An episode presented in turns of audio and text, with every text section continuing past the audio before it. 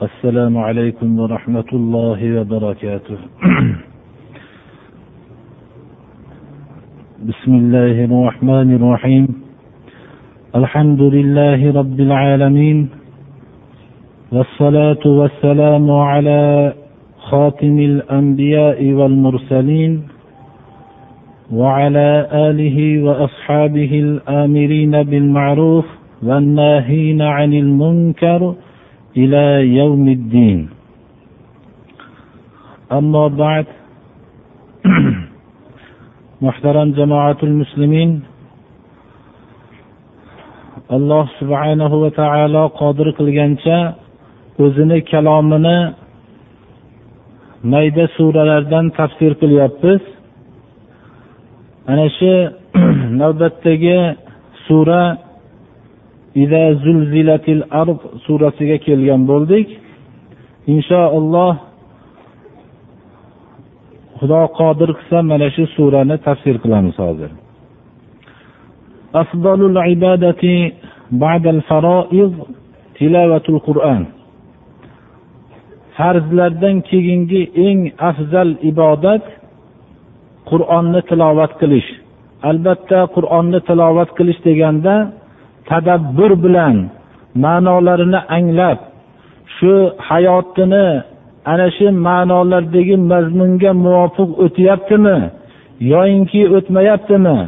Avval o'zini shaxsiga qur'onni tadbiq qilish undan keyin oilasiga qur'onni tadbiq qilish undan keyin o'zini tashqi muhitiga qur'onni tadbiq qilib ana shu o'qilayotgan qur'onga bo'layotgan hayot muvofiq o'tyaptimi yo yo'qmi deb tilovat qilishlik farzlardan keyingi eng afzal ibodat hisoblangan. Shu ibodatni mana shu birodar musulmonlar qo'lga kirishsa degan orzuda shu qur'on tafsirini boshlagan bo'ldik va ko'pchilikni talabi mayda suralarni ko'proq kishiga ma'lum bo'lganligi uchun shu yerdan boshlansa degan talabga muvofiq avvaldan tushmasdan oxirigadan boshladik. Bu gapni yana takrorlashligimiz har jumada har xil yangi kishilar kelayotganligi uchun birdaniga bu suradan tafsir boshlanib qolganligiga hayron bo'lishib qolmasligi uchun ogohlantirib qo'yilyapti shuni.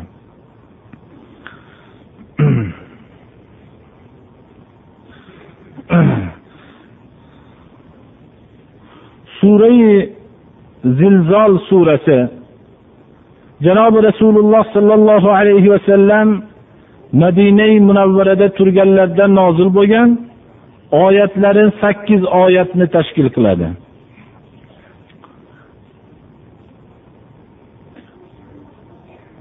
Surai zilzol qiyomat dahshatlarini ifodalovchi shu mazmunini bildiruvchi so'zlar bilan boshlanadi. Qiyomatdagi insonning ashu qiyomat dahshatini hayotida hech ko'rmagan bir voqeani guvohi bo'lgandan keyin o'zining holatini tamoman esdan chiqargan holatini ifodalovchi so'zlari bildiriladi.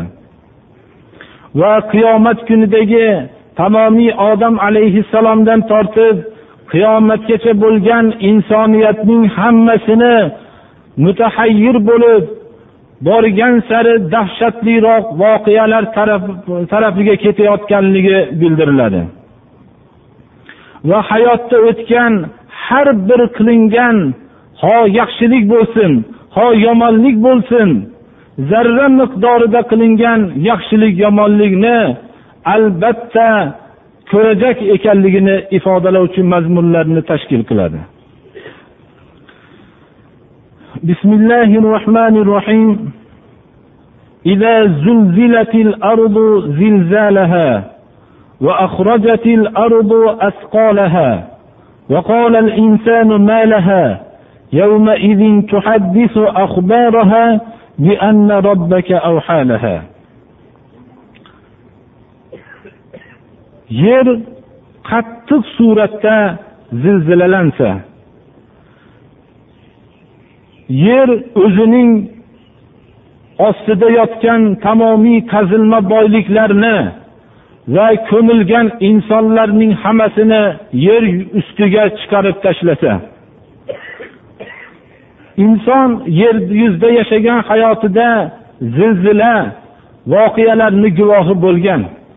Va ini qattiq otilgan vulqonlarning guvohi bo'lgan va yerning ostidagi narsalarning ustiga qo'porilib chiqqanligining guvohi bo'lgan.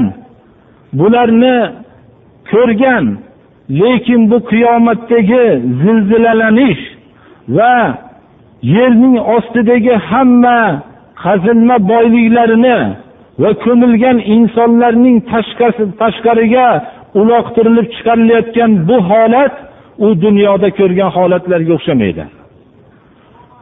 Shuning uchun inson buni hech hayotida ko'rmagan voqeani guvohi bo'layotganligi uchun mutahayyir bo'lganligidan malaha malaha deydi. Ya'ni bu nima voqea? Bu yerga nima bo'ldi?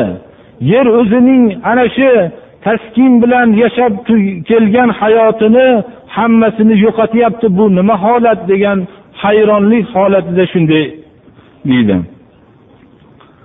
Ana shu kunda yer o'zining xabarlarini aytib beradi. Ki rabbining yerga buyruq qilganligini ana shunday tebranishga buyruq bo'lganligiga ma'mur ekanligini yer o'zi gapirib beradi. Ya'ni yerda meni rabbim buyruq qildi. Mana shunday suratda zilzilalanishlikka ostidagi hamma narsalarning ustiga uloqtirib tashlashlikka buyruq qildi. Ana shu buyruqqa itoat qilib shu narsa voqea sodir bo'lyapti deydi. Ya'ni yer robbining hukmiga bo'ysunib bo'ysundi bo'ysunishlikka sazovor ham. Ya'ni yer ollohni buyrug'iga bo'ysundi xolos bu yerda boshqa ish voqea bo'layotgani yo'q. Qiyomatning shunday dahshatli shunday yer kurrasidagi o'zgarishlikning birdan bir sababi ollohni buyrug'iga itoat qilib bo'layotgan voqeadir. Ana shu kunda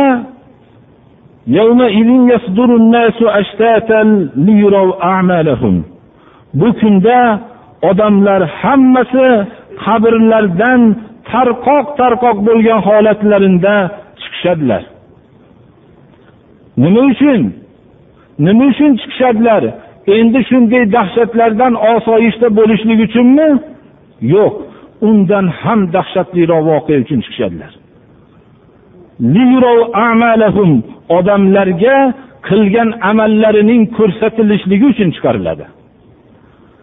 Insonning amallarini o'zining yakka holatda tomosha qilib turishligi insonning hayotda shunday gunoh amallar insondan sodir bo'ladigan bo'lgan bo'ladiki agar o'zi shu gunohini shu qilgan amalini tanho suratda tomosha qilib turishlikdan ko'ra har qanday azobga rozi bo'ladigan amallar bo'ladi. Uni nafs havo ko'yga kirib qilib qo'yadi. Lekin uni qarab keyin tomosha qilishlikka hech chidab turolmaydigan amallari bo'ladi odamda. Lekin bu amallarning ko'rsatilayotganligi o'ziga emas tamomiy odam alayhissalomdan tortib qiyomatgacha bo'lgan bashariyat guvohligi ostida ko'rsatilishligi uchun qabrlardan chiqishadi. Undan tashqari bu olloh robbil alaminni huzurida ana shu amallarini ko'rsatilishligi uchun qabrlardan chiqishadi. Insonning eng qattiq jazosi insonga o'zining yomon amalini ko'rsatilishligidir bundan ko'ra inson ana shuni jazosini aytilmasdan ko'rishlikka rozi bo'ladi. Bu yengilroq u insonga nisbatan. Ana shuning uchun dahshatliligi shundayki amallarining ko'rsatilishligi uchun qabrlardan chiqib keladi tarqoq tarqoq bo'lgan holatda deyishlik o'zi bu qiyomatda bo'lgan dahshatlardan ko'ra ham dahshatliroq azobdir bu shuning uchun payg'ambarimiz sallallohu alayhi vasallam aytdilarki oysha siddiq onamizga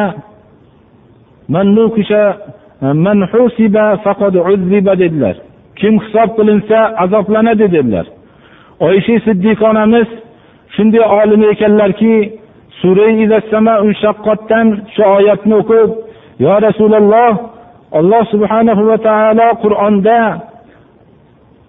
ومن أوتي كتابه بيمينه فسوف يحاسب حسابا يسيرا agar nomi amoli o'ng tarafidan berilgan kishilar yengil hisob qilinadi deyaptilaru siz aytyapsizki hisob qilinsa azoblanadi deyapsiz deganlarda aytgan ekanlarki ey oyisha bu yengil hisob qilinadi deyishlik? Bu arz xolos. Ya'ni amallarini unga ko'rsatib qo'yiladi shu amallarni qilgan eding deyiladi. Hisob qilinmaydi jannatga kiradigan kishini. Hisobni birma bir qilingan odam azoblanmasdan qolmaydi degan ekanlar. Amallarini unga ko'rsatilishlik uchun odamlar shu tarqoq holatida har tarafdan qo'porilib chiqishadilar mana. Hisob qanday hisob qilinadi? Hisob nihoyatda dahshatli kim zarra miqdorida yaxshilik qilgan bo'lsa albatta ko'radi. Hayotda qilayotgan amallarni inson o'ylamasinki birovlarning ko'rmayotganligi birovlarning bilmayotganligi bilan tashvishlanmasin. Agar u yaxshilik qilib qo'ygan bo'lsa zarra miqdorida qilgan bo'lsa albatta shu yaxshilikni ko'radi. Bu olloh subhana va taoloni so'zi mana. Zarra deb tushunganda bizlar afsus ilgarigi vaqtlarda tushunardikki mana masalan oftobda ko'rinib turgan to'zonlarni tushunardik. Mana chang to'zonlar bor shuni zarra deb aytilardi. Keyin ma'lum bo'ldiki mana ilm rivojlangandan keyin zarra bu insonni ko'ziga ko'rinadigan narsa emas ekan. Bu insonning ko'zi emas balki katta qilib ko'rsatadigan asboblar bilan ham ko'riladigan narsa emas ekan. Bu nihoyatda olim shuni ilm bilan bilingan narsa ekan xolos bu mayda narsa ekan. Bu yana mo'minning qalbida o'rnashgan narsa ekan. Mo'min o'zining qalbida zarracha ma'siyat qilayotgan bo'lsa uni albatta u ko'rolmaydigan ana shunday mayda qilib katta qilib ko'rsatadigan asboblar ham ko'rolmaydigan narsani ko'radigan mo'minni qalbida joylashgan ekan. Zarra miqdorida yomonlik qilgan bo'lsa albatta ko'radi uni. Lekin bu zarra miqdorida yomonlikni tashvishini faqat komil mo'minning qalbidagina shu tashvish bo'ladi. Yer yuzida shunday odamlar borki tog' tog' gunohlarni qilsa ham ular hech qanday uni gunohlarini sezmasdan yashashadilar. Bu komil bo'lmaganlikni balki iymon bu yerda o'rnashmaganlikni belgisiki iymon o'rnashgan qalb shunday asboblar vositasi bilan ko'rolmaydigan mayda yomonligini ham gunohini ham ko'rolmaydi mana shu ana alloh subhana va taolo bu mayda narsani ko'radigan narsani mo'minning qalbi qilib yaratgan ammo osiy shunday odamlar borki ular mana tog' tog' gunohlarni ham men nima gunoh qilganman deb qaraydi mana shunday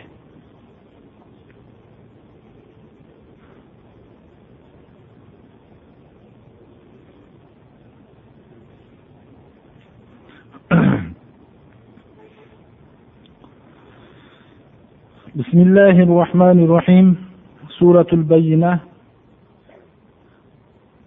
janobi rasululloh sollallohu alayhi vasallam madina munavvarada turganlarida nozil bo'lgan oyatlari bu ham sakkiz oyatni tashkil qilar ekan. Uzunroq oyatlardan iborat. Bu surada alloh taolo payg'ambarimiz sollallohu alayhi vasallamning kelishlarining hikmatini va bu kishining payg'ambar qilib jo'natilinishligiga olam tamomiy yer kurrasi muhtoj bo'lib shundan boshqa narsa bilan hal bo'lmaydigan holatda qolganligini bayon qiladi. Makka mushriklari islom kelishligidan ilgari yer kurrasidagi yashayotgan xalqlar qanday bo'lishligidan qat'iy nazar makkada mushriklar yashashardi. Ular o'zlarining ibrohim alayhissalomning avlodimiz deb davo qilishardilarda kabaning merosxo'rlari deyishardilar. Ibrohim alayhissalom olib kelgan din yakka vahdoniyatga chaqirishligiga qaramasdan yakka olloh uchun ibodat qilishlikka qurilgan kaba ichida uch yuz oltmishta but uyilib yotardi. yahudiylar bani isroil deb atalmish bu bani isroil deb atalmish bu yahudiylar ular aytishardiki biz eng ollohning ulug' bandalarimiz.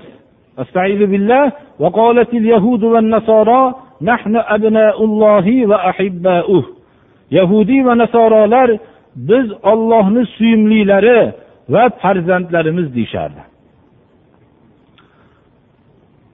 Yahudiylar uzayr alayhissalomni ollohni o'g'li deb tan olishardi. Ollohni payg'ambarini ollohni o'g'li deyishardi. Nasorolar bo'lsa masih alayhissalomni ollohni o'g'li deyishardi.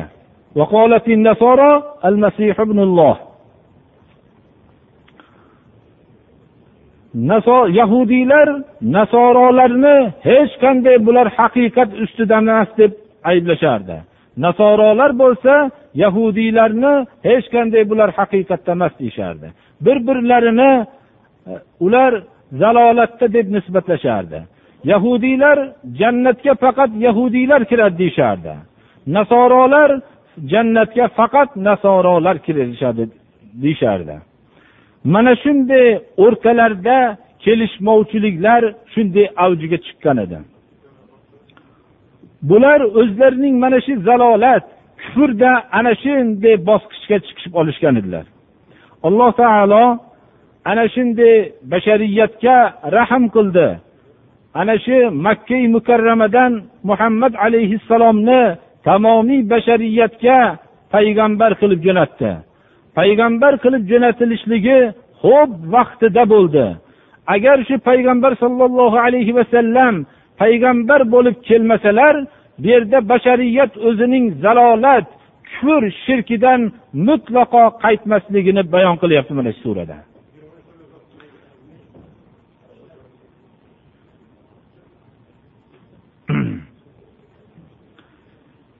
لم يكن الذين كفروا من أهل الكتاب والمشركين منفكين حتى تأتيهم البينة رسول من الله يتلو صحفا مطهرة فيها كتب قيمة وما تفرق الذين أوتوا الكتاب إلا من بعد ما جاءتهم البينة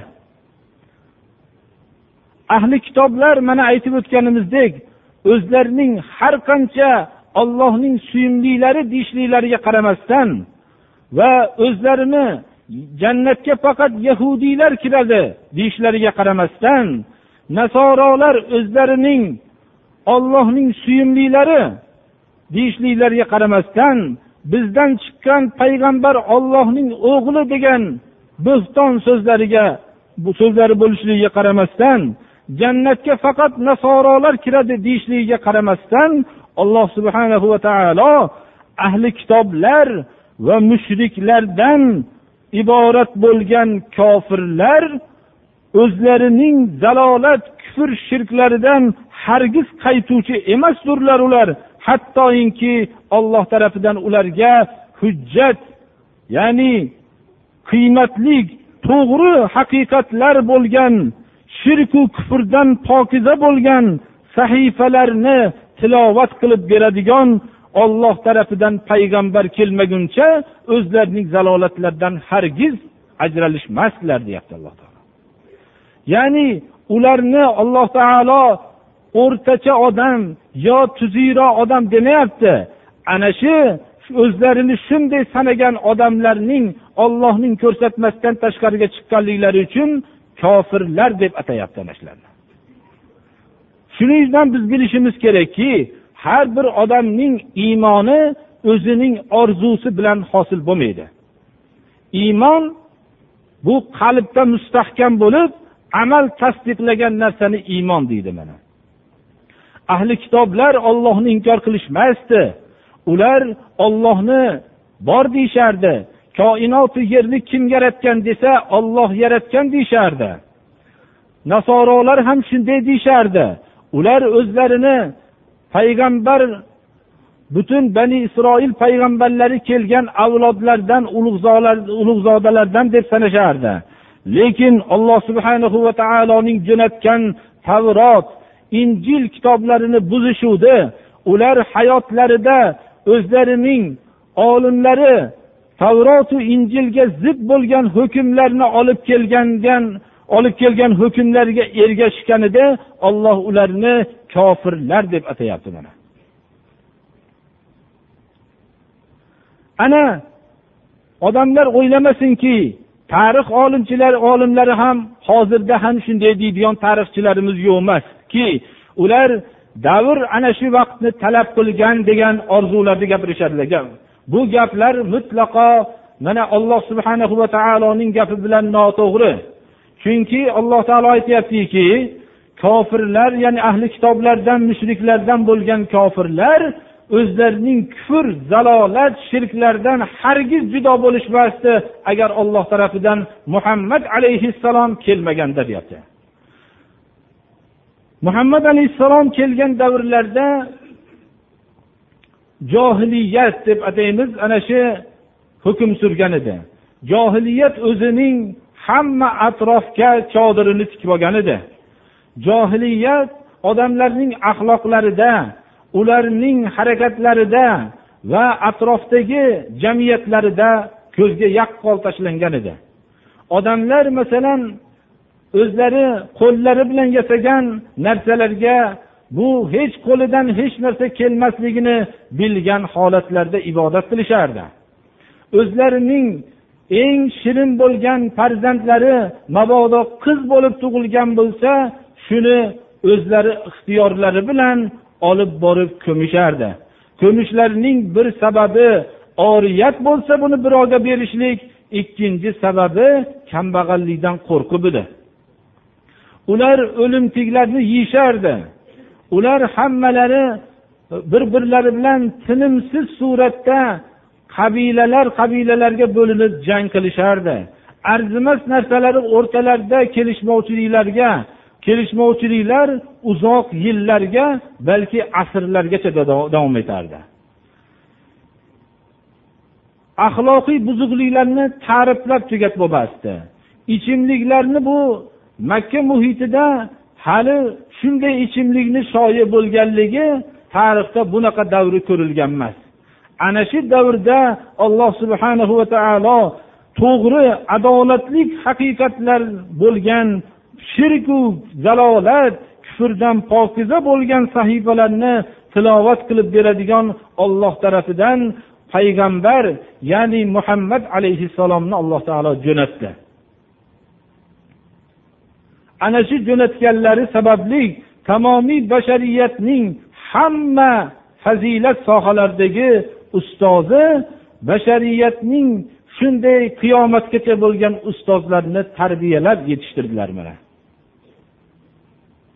وما تفرق الذين أوتوا الكتاب إلا من بعد ما جاءتهم البينة bu ahli kitoblar masih alayhissalomningdan ilgari o'zi bu nihoyat darajada o'rtalarida kelishmovchiliklar har xil mazhablarga bo'linib tarqalib ketishgan edi Ularning tarqalishlari hech bir hisob qilib bo'lmaydigan darajada edi hammalari bir birlariga bo'linib yahudiylar boshqa nasorolar boshqa nasorolar o'zi necha toifalarga bo'linib ketgan edi.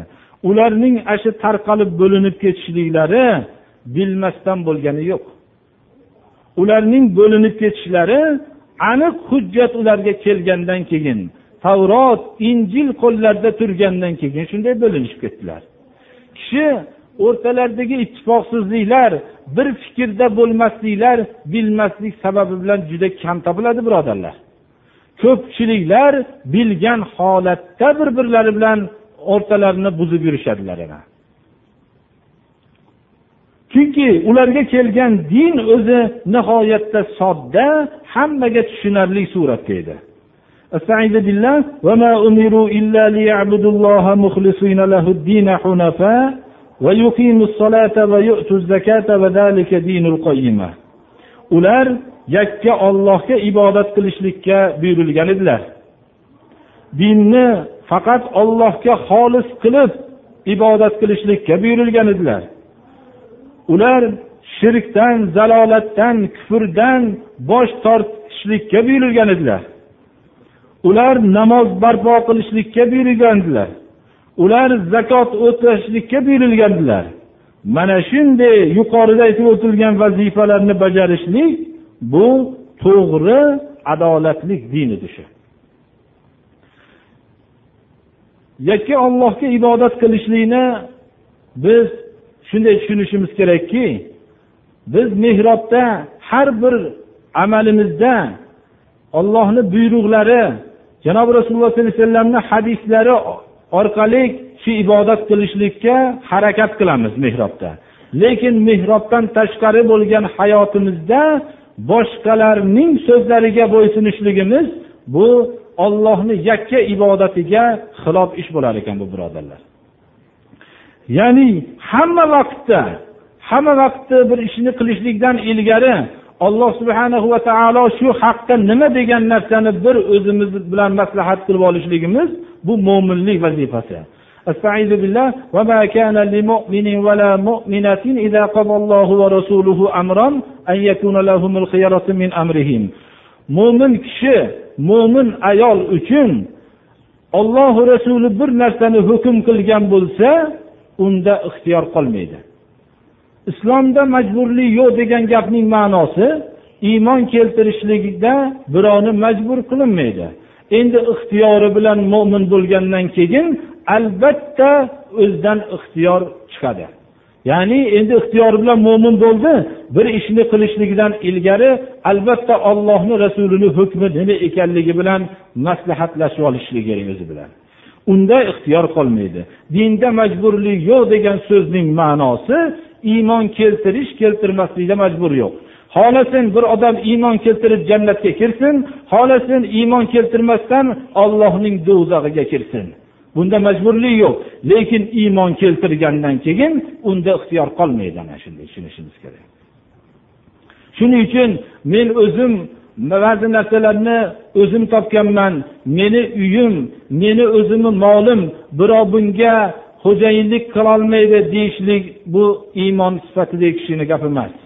Agar uyda har bir molini sarf qilishlikda o'zi bir harakat qilishlikda ollohi rasulini hukmini bir kuzatib olishligi kerak shunda.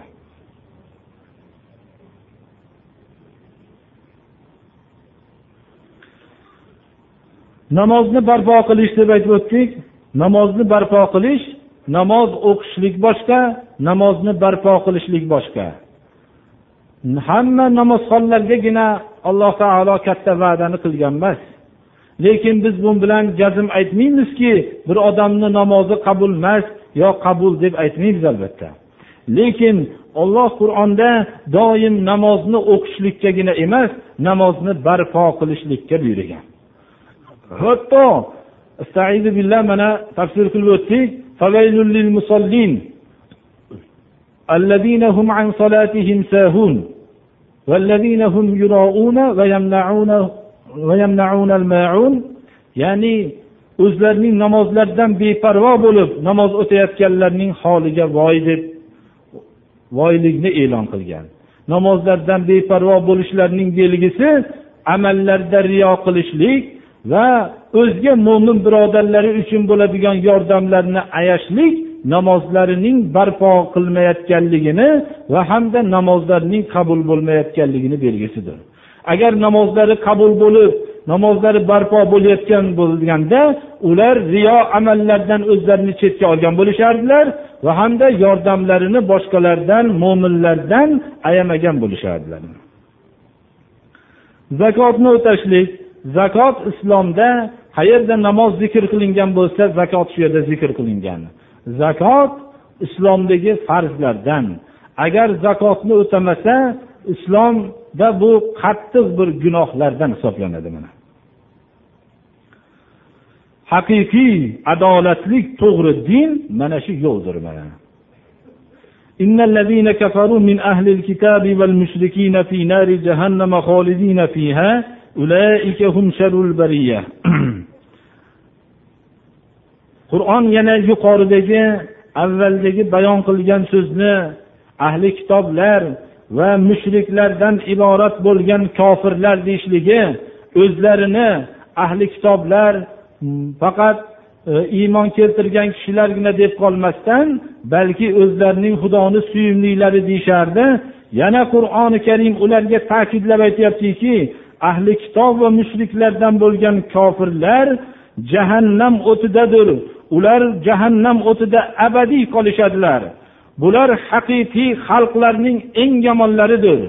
Iymon sifatiga amali solih sifatiga ega bo'lmagan odamlar yer yuzidagi eng yomon maxluqlardir bular mana shuni bilishimiz kerak.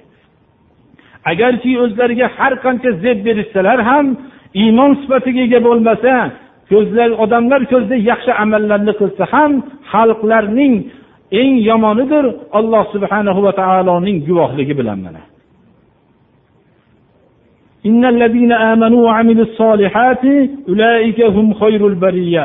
Iymon keltirib iymonlari o'zlarining amali solih qilishlikka olib chiqolmagan zotlar bular xalqlarning eng yaxshisidir. Agarki odamlarning ko'ziga yaxshi bo'lib ko'rinmayotgan bo'lsa ham ular alloh subhana va taoloning huzuridagi eng yaxshi odamlardir. Biz mana shu qaysi bir oyatni o'qiydigan bo'lsak mana qur'oni karimda ya ayyuhallazina amanu ko'p keladi. Alloh subhanahu va taologa bizning manzur bo'lishligimiz iymon sifati bilandir. O'zimizning davlatmanligimiz yo qarindosh urug'ligimiz yo biror millatdan bo'lishligimiz yoyinki oq tanli bo'lishligimiz yoyinki masalan xalqlar o'rtasida obro'li bo'lishligimiz bilan chaqirmayapti alloh taolo bizni bizni ey iymon keltirgan kishilar deyapti. Biz olloh tarafidan chaqirilishlikka loyiq bo'lgan sifatimiz faqat iymon sifatini.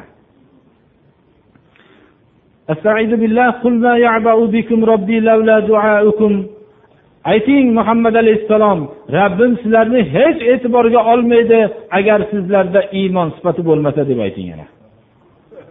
Mana shu narsani bilishimiz kerakki bu iymon sifatini biz nihoyatda shukrini qilishimiz kerakki shukri faqat amali solih qilishlik bilan bo'ladi mana. Mana shunda iymon komil bo'ladi mana.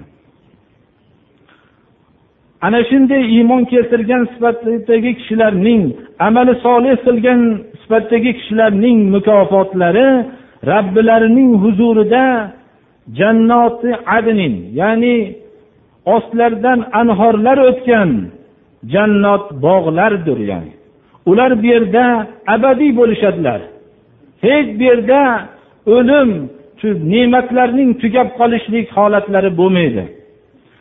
Nima uchun? Chunki bular o'zlarining hayotlarining har bir amallarida faqat ollohni rizosi uchun ish qilishgan edilar.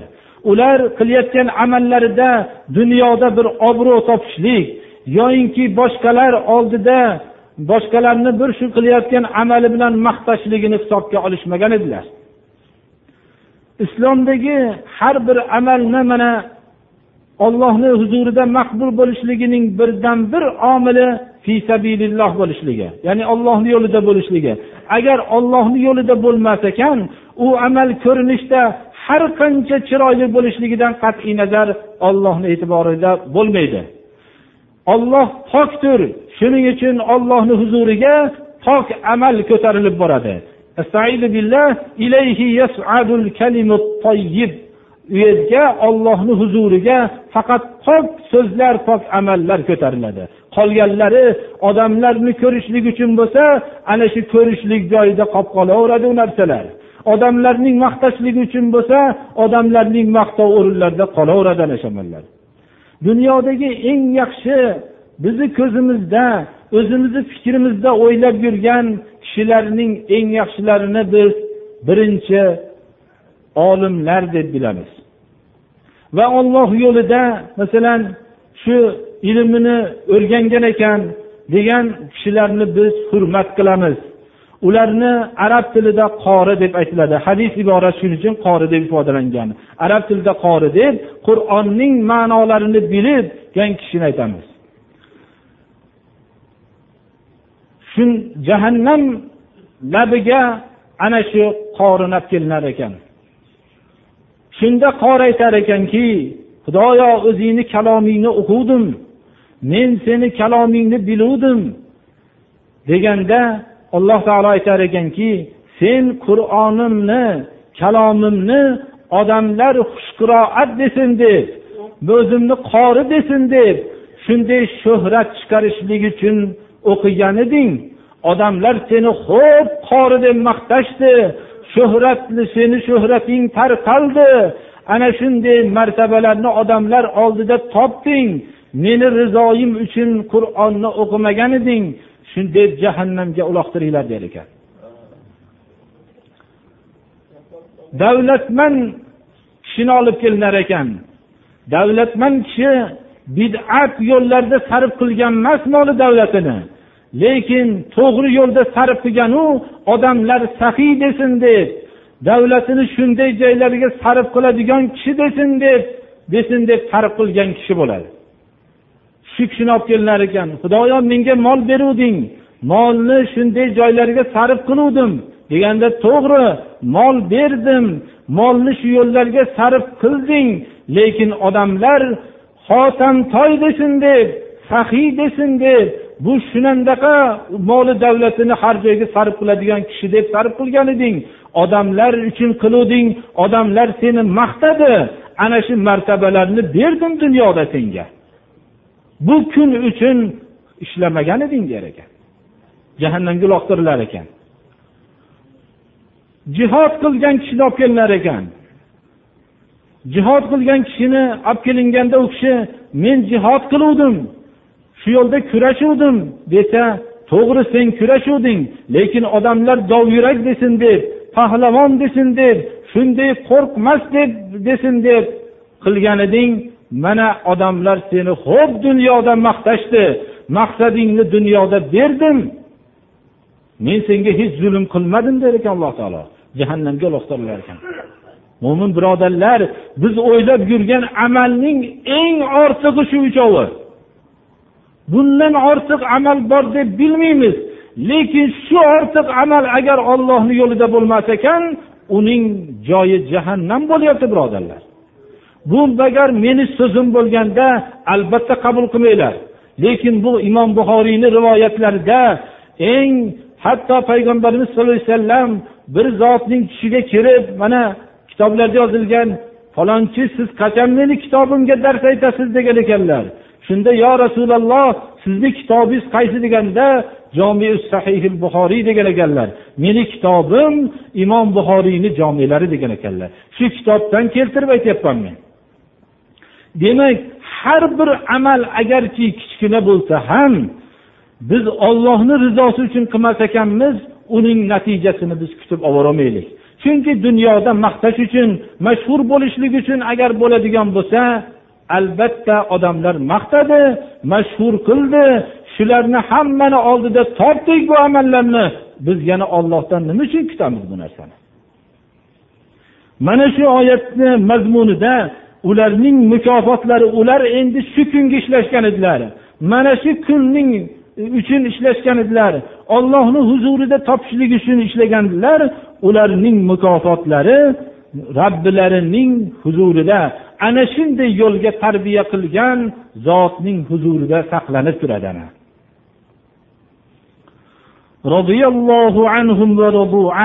Olloh ulardan rozi bo'ladi.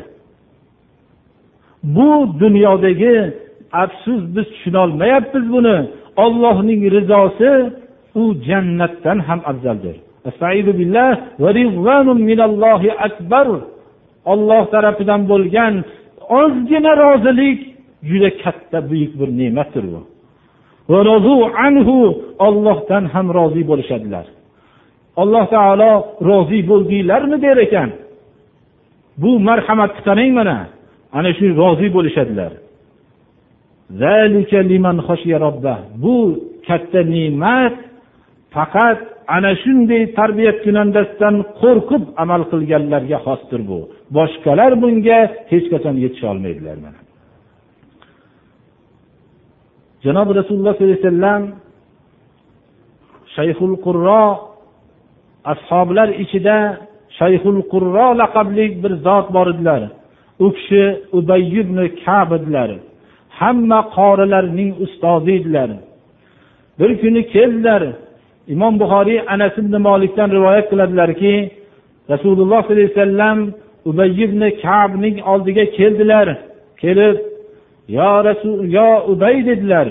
Alloh taolo buyurdiki meni sizga lam yakun surasini tilovat qilib berishligimga dedilar.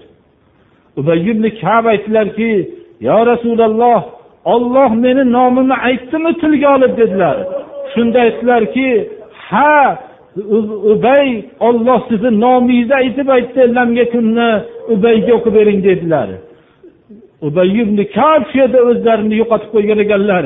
Men ollohni zikr robbil alaminni huzurida nomim yodga olinibdi deb o'zlarini yo'qotib qo'ygan ekanlar shunaqa. Mana shu mana odamzod dunyoda ana shunday martabani topishligini ham mumkinki qanday baxtki ollohni huzurida zikr qilinsangiz bu narsalar.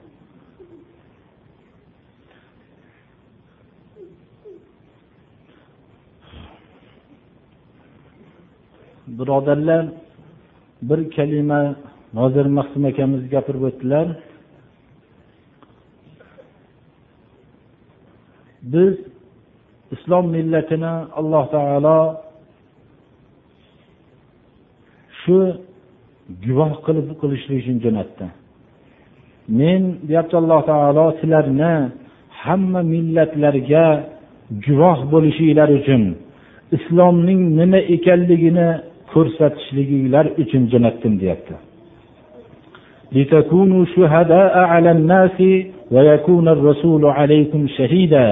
sizlar odamlar ustida islomning qanaqa ekanligini ko'rsatib berishliginglar uchun jo'natdim deyapti. Sizlarga payg'ambar muhammad alayhissalom guvohdirki muhammad alayhissalom tamomiy millatga qiyomatgacha bo'lgan millatga haqiqiy islomning shaklini o'zlarining jasadlarida shaxslarida oilalarida atrofdagi yiqilgan yig'ilgan jamiyatlarida hamma harakatlarida to'la ko'rsatoladilar u kishi ba'zi xalqqa haqiqat so'zlarni yetkazib ey xalqlar men sizga ollohni hukmini yetkazdimmi derdilar. Ular yo rasululloh yetkazdingiz deganlarda osmonga qarab ollohumashhad xudoyo guvoh bo'lgin men seni hukmingni hech o'zgartirmasdan yetkazdim dedilar. Endi u kishi o'zlarining shaxsiy va oilaviy va atrofdagi ashoblar bilan jamlangan hayotlarida to'la suratda o'tab o'tdilar. Oysha siddiq onamiz rasululloh sollallohu alayhi vasallamning xulqlari qanday deb so'ralgan savolga u kishining xulqlari qur'on degan edilar qur'on nimaga buyursa qildilar nimadan qaytarsalar qaytgandilar dedilar. Ashobi ikromlar ham o'zlarining shohid guvoh ekanliklarini bildirib tamomiy vujudlarini qiynalgan ularning qiyinchiliklari biror tirikchilik yo boshqa narsa sababida qiynalishmadilar. Shu o'tayotgan hayotimiz islomga muvofiqmi yo'qmi degan tashvishda o'tdilar ular ham o'zlarining davrlarini bosib o'tishdilar keyingi davrimizda islom kun sayin pasayib bordi. Pasayish natijasida islomni tushunmagan kishilar peshvo bo'lib qoldi. Bizni islomimizni boshqa g'ayri dinlar qayerdan ko'rishadi? Faqat musulmonlarga qarab ko'rishadi. Ular qur'onni bilishmaydi hadislarni bilishmaydi. Musulmonlarga qarab turib shu islom shunaqa ekan derdi. Afsus keyingi davrlarda islom odamlarda shakllanmay qolgan edi. Shuning uchun odamlar musulmonlarni ko'rishdilarda o'zlarining aqllari fitratlariga muvofiq bo'lmagan amallarni ko'rganlaridan keyin islomdan kun sayin voz kechishib qoldilar ana. Kelib bizni davrimiz bo'lib qoldi mana. Islomda qaysi bir mana ko'p mana dinga qarshi kishilarning yozgan yozuvlariga qarasangiz bizni islomimizda yo'q bo'lgan amallarni bizni dinimizga to'ngab yozishadilar ular. Vaholanki bizni islom ularni qoralangan edi. Ular nimaga asosan qoralashadilar? Ko'rishyaptilarki bizni musulmonman deb taqvodorman degan kishilar shu amallarni qilishyaptilar qur'oni hadisni bilmagan holatlarida. Ana shuning uchun u amallarni ular qur'onda bu narsalarning qaytarilganligini bilishmaydilar hadislarda qaytarilganligini bilishmaydilarda shu ana bizning musulmonchiligimiz haligi odamlarning islomni masxara qilishligiga sabab bo'lib turibdi birodarlar. Agar biz islomga to'la amal qilolmaganimizda o'zimizni hayotimizga tadbiq qilolmaganimizda ular balki bizni islomni qoralashga bizni ayb o'qini ochishlikka o'rin topisha olmagan bo'lardilar. Shuning uchun biz islomning zarariga hujjat bo'lmaylik birodarlar.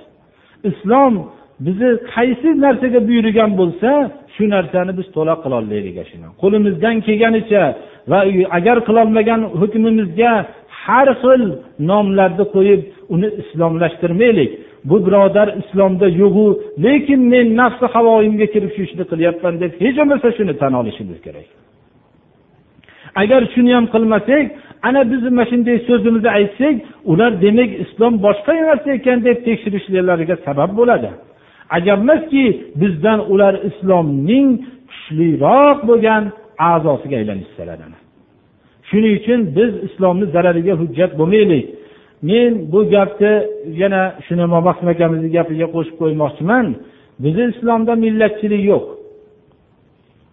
Bizni millatchilik ruhi yo'qligi uchun bizni diyorlarimizga islom keldi.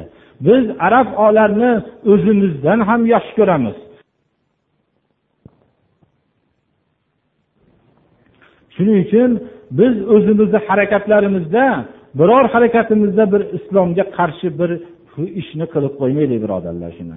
O'zimizni to'g'ri ifodalaylikki ana shu islom qonuniga muvofiq ko'rsataylik agar ko'rsatolmayotgan bo'lsak shuni uzr bayon qilolmaylik ana shu narsani. Amin. Alloh taolo parvardigoro qur'onga muvofiq hayot kechirishlikka alloh muvaffaq qilsin. Parvardigoro hozirgi o'qilgan oyatlarga amal qilishlikka alloh muvaffaq qilsin.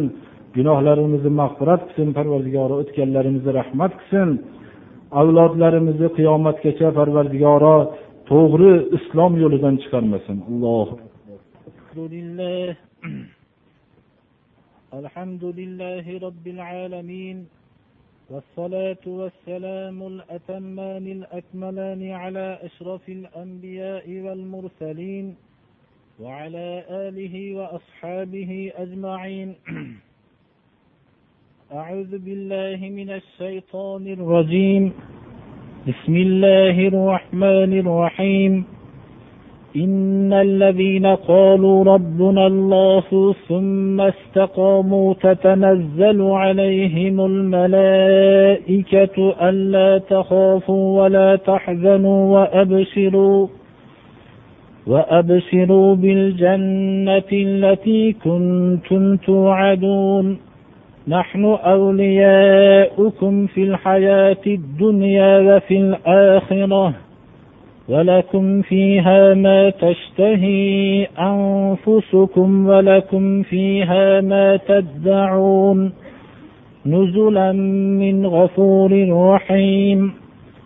ومن أحسن قولا ممن دعا إلى الله وعمل صالحا وعمل صالحا وقال إنني من المسلمين.